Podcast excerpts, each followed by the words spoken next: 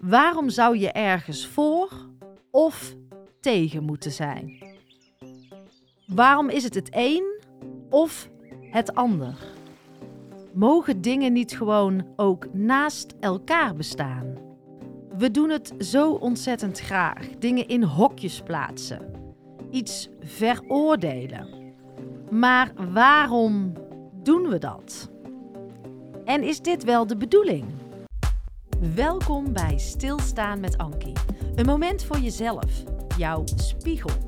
Een plek waar je kan opladen en ontladen. Waar vertragen normaal is en waar het hoofd uit mag en jouw hart aan.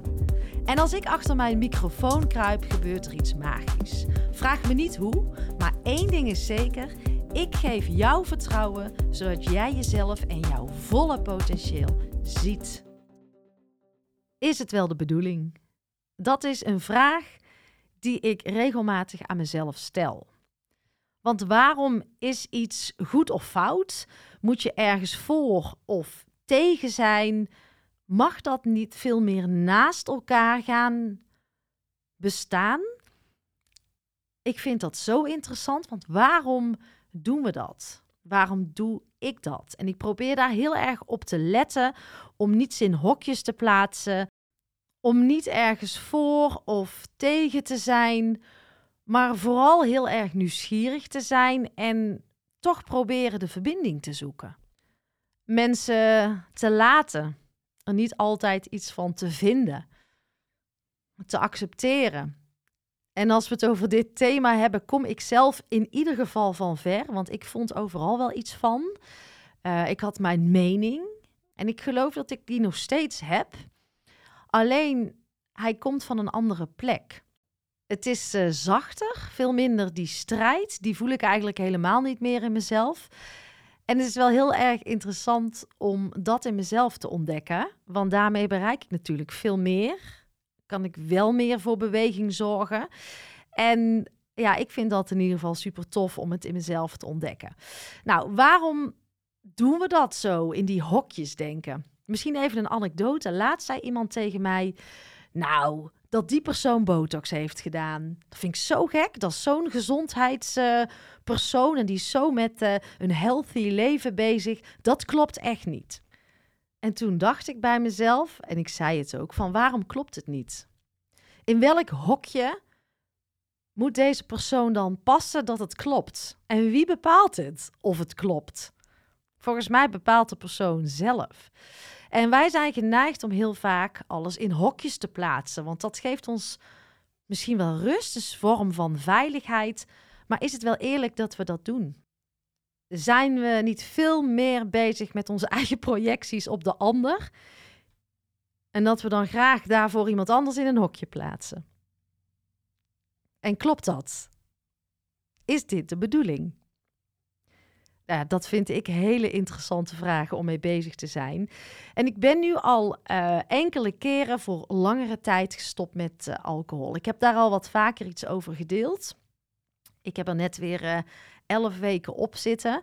En ik merk dat ik elke keer een stapje dieper kom in mijn bewustwording. En ik zoek mijn, ik onderzoek mijn relatie met alcohol.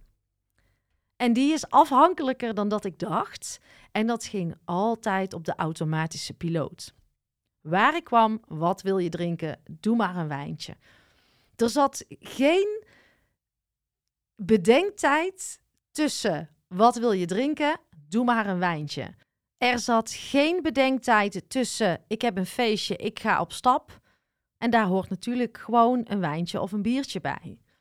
En ik merk nu na de zoveelste keer een periode van niet drinken, dat dat is veranderd. Dat ik dus wel die vraag aan mezelf stel. En dat het zo'n gewoonte en zo'n automatisme is om altijd maar te drinken. En nu kan ik in een split second tegen mezelf zeggen: Oké, vind ik dit een geschikt moment? Wil ik het? Voel ik me hier prettig bij? Is dit de moeite waard? Ja of nee? En ik merk dat er 9 van de 10 keer nu het antwoord nee op komt omdat ik heb mogen proeven hoe het aan de andere kant is. Want ik wist helemaal niet hoe het daar was. En als ik bedoel mogen proeven aan de andere kant, is de kant van niet drinken de kant van uh, helemaal oké zijn met jezelf, dus in de puurste vorm, zonder allerlei middelen, jezelf helemaal oké voelen. Ik vind het steeds fijner worden. En de eerste keer weet ik nog, toen ik stopte met drinken, toen zat ik de dagen vooruit te tellen. Zat ik vooral heel erg in het slachtofferschap. Oh, ik mag niet drinken. En als die maand dan voorbij was, dacht ik, oh, ik mag weer. En zo beleefde ik het destijds ook echt. En wat ik ook zie, is dat het een bepaalde oppervlakkigheid, een bepaalde ongemakkelijkheid met jezelf, die je graag wegdringt. En ik zie het zo voor me. We komen op een feestje aan. Iedereen komt een beetje binnen. Is een beetje ongemakkelijk. Uh, gaat staan. Uh, nog een beetje aftastend. En dan gaat die borrel erin. En dan gaat dat drankje erin. En dan iedereen is weer helemaal oké.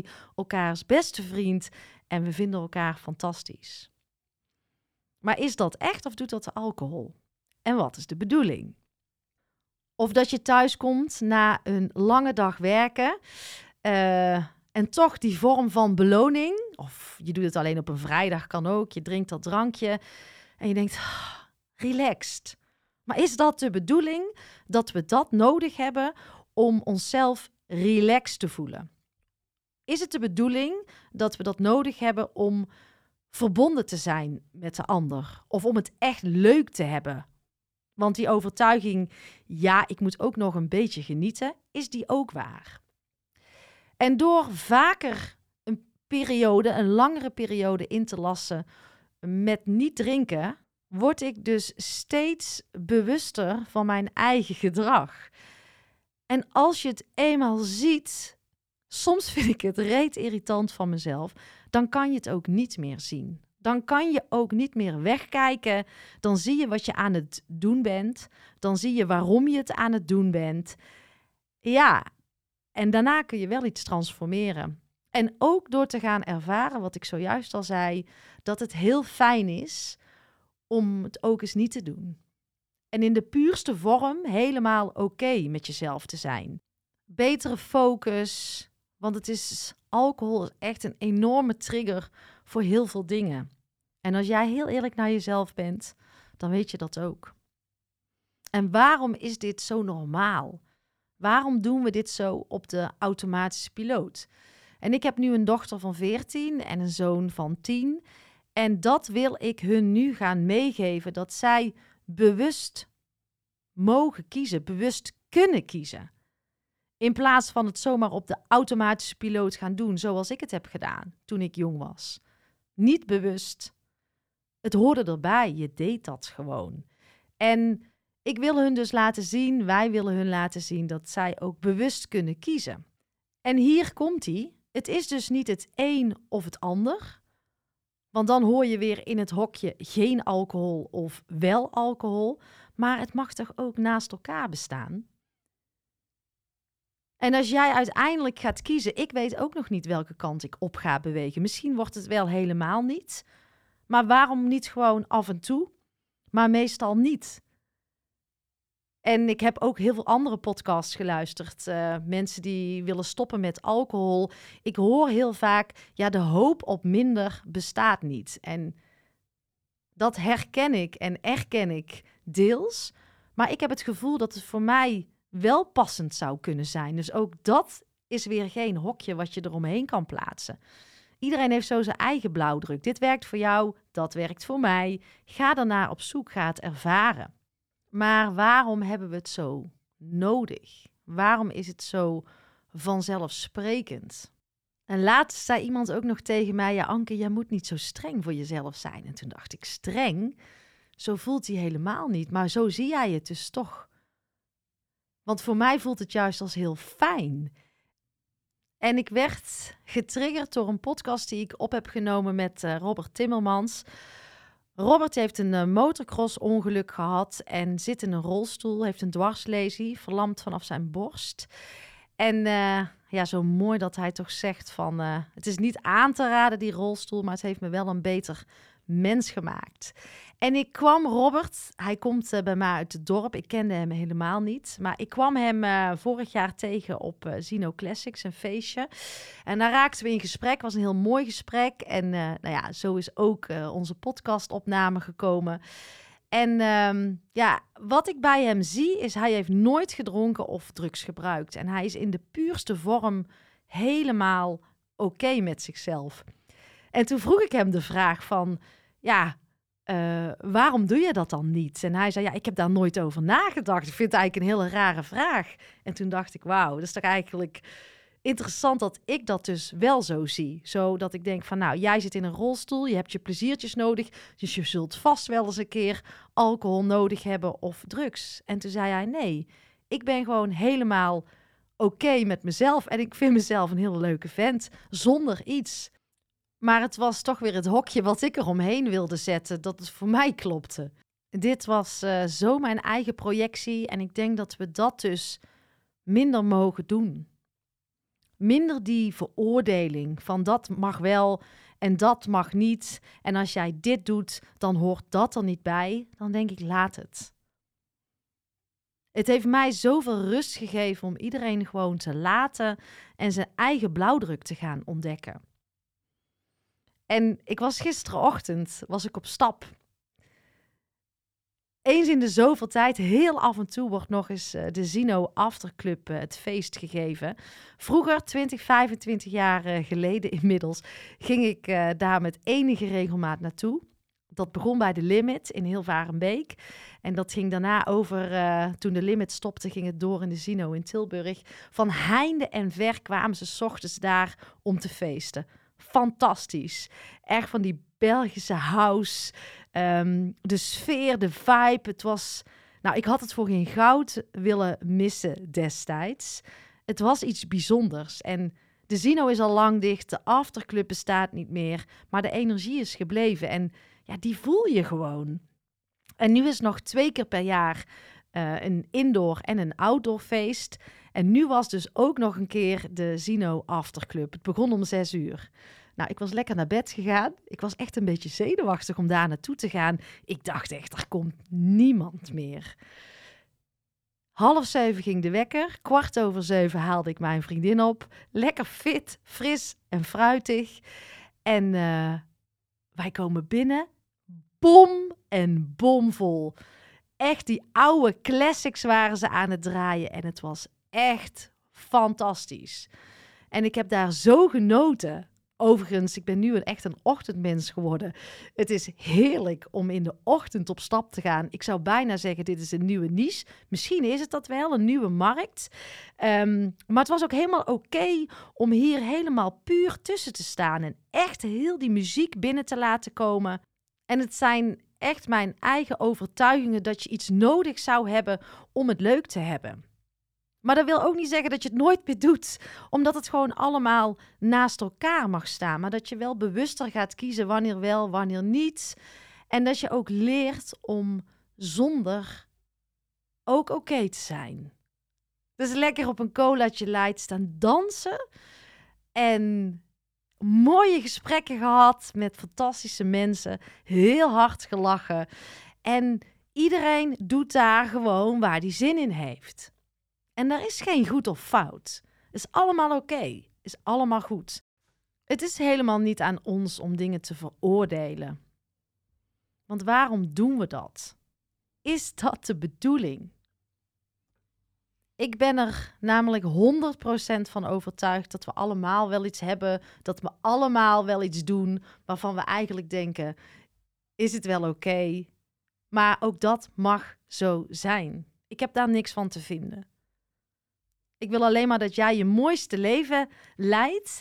En ik wil ook wel dat jij bewust af en toe eens kijkt naar jouw eigen gedrag. Van waarom doe je de dingen?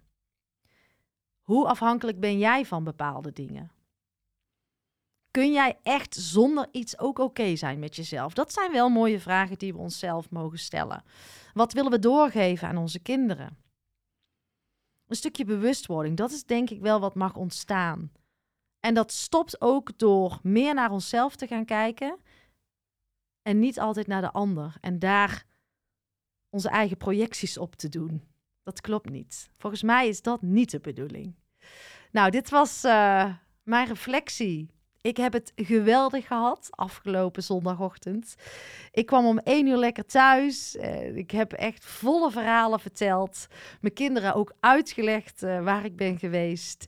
En uh, ja, ik zit vandaag nog in zo'n hoge energie. Vanochtend lekker gaan sporten. Topfit was ik om half zeven. En uh, ja, die pakken ze mij niet meer af. En ja, ik hoop dat er nog meer van dit soort ochtenden komen. Maar het heeft me onwijs goed gedaan om even lekker uh, alle remmen los te gooien en heerlijk te dansen. En te genieten van mijn muziek van toen. En ga vooral ook doen wat jou gelukkig maakt waar jij blij van wordt. Ben bewust. Reflecteer af en toe op je eigen gedrag. Oordeel en veroordeel minder. En het is dus niet het een of het ander. Het is niet goed of slecht. Maar probeer wel ergens in het midden uit te komen op de plek die voor jou klopt. En jij voelt als enige, ook als ik dit nu zeg, jij voelt wat jij te doen hebt. Tot de volgende. Lieve jij, dankjewel voor het luisteren en dankjewel voor jouw oprechte tijd en aandacht. En hoe meer mensen ik kan gaan bereiken, hoe beter, want ik geloof zo sterk in die ripple. En jouw bijdrage, jouw steun is natuurlijk welkom, altijd fijn. Doneren kan je doen via mijn site en je vindt ook een link in de show notes. Of ben je al geabonneerd op mijn podcastkanaal? Altijd even doen, want dan ontvang jij als eerste de nieuwste afleveringen. Maar ook jouw review is fijn om te ontvangen. Fijn als je deze podcast wilt delen in jouw eigen netwerk. En ga je nou helemaal aan op alle thema's die voorbij komen op dit uh, kanaal? Kijk dan eens rond op mijn website, want misschien mag ik iets voor jou betekenen of voor jouw organisatie. En wil je met podcast aan de slag, dan uh, weet je mij ook te vinden. Op mijn website www.ankievansteen.nl ga je alles vinden over mijn aanbod en ik zou het leuk vinden om een keertje kennis te maken. Tot de volgende podcast.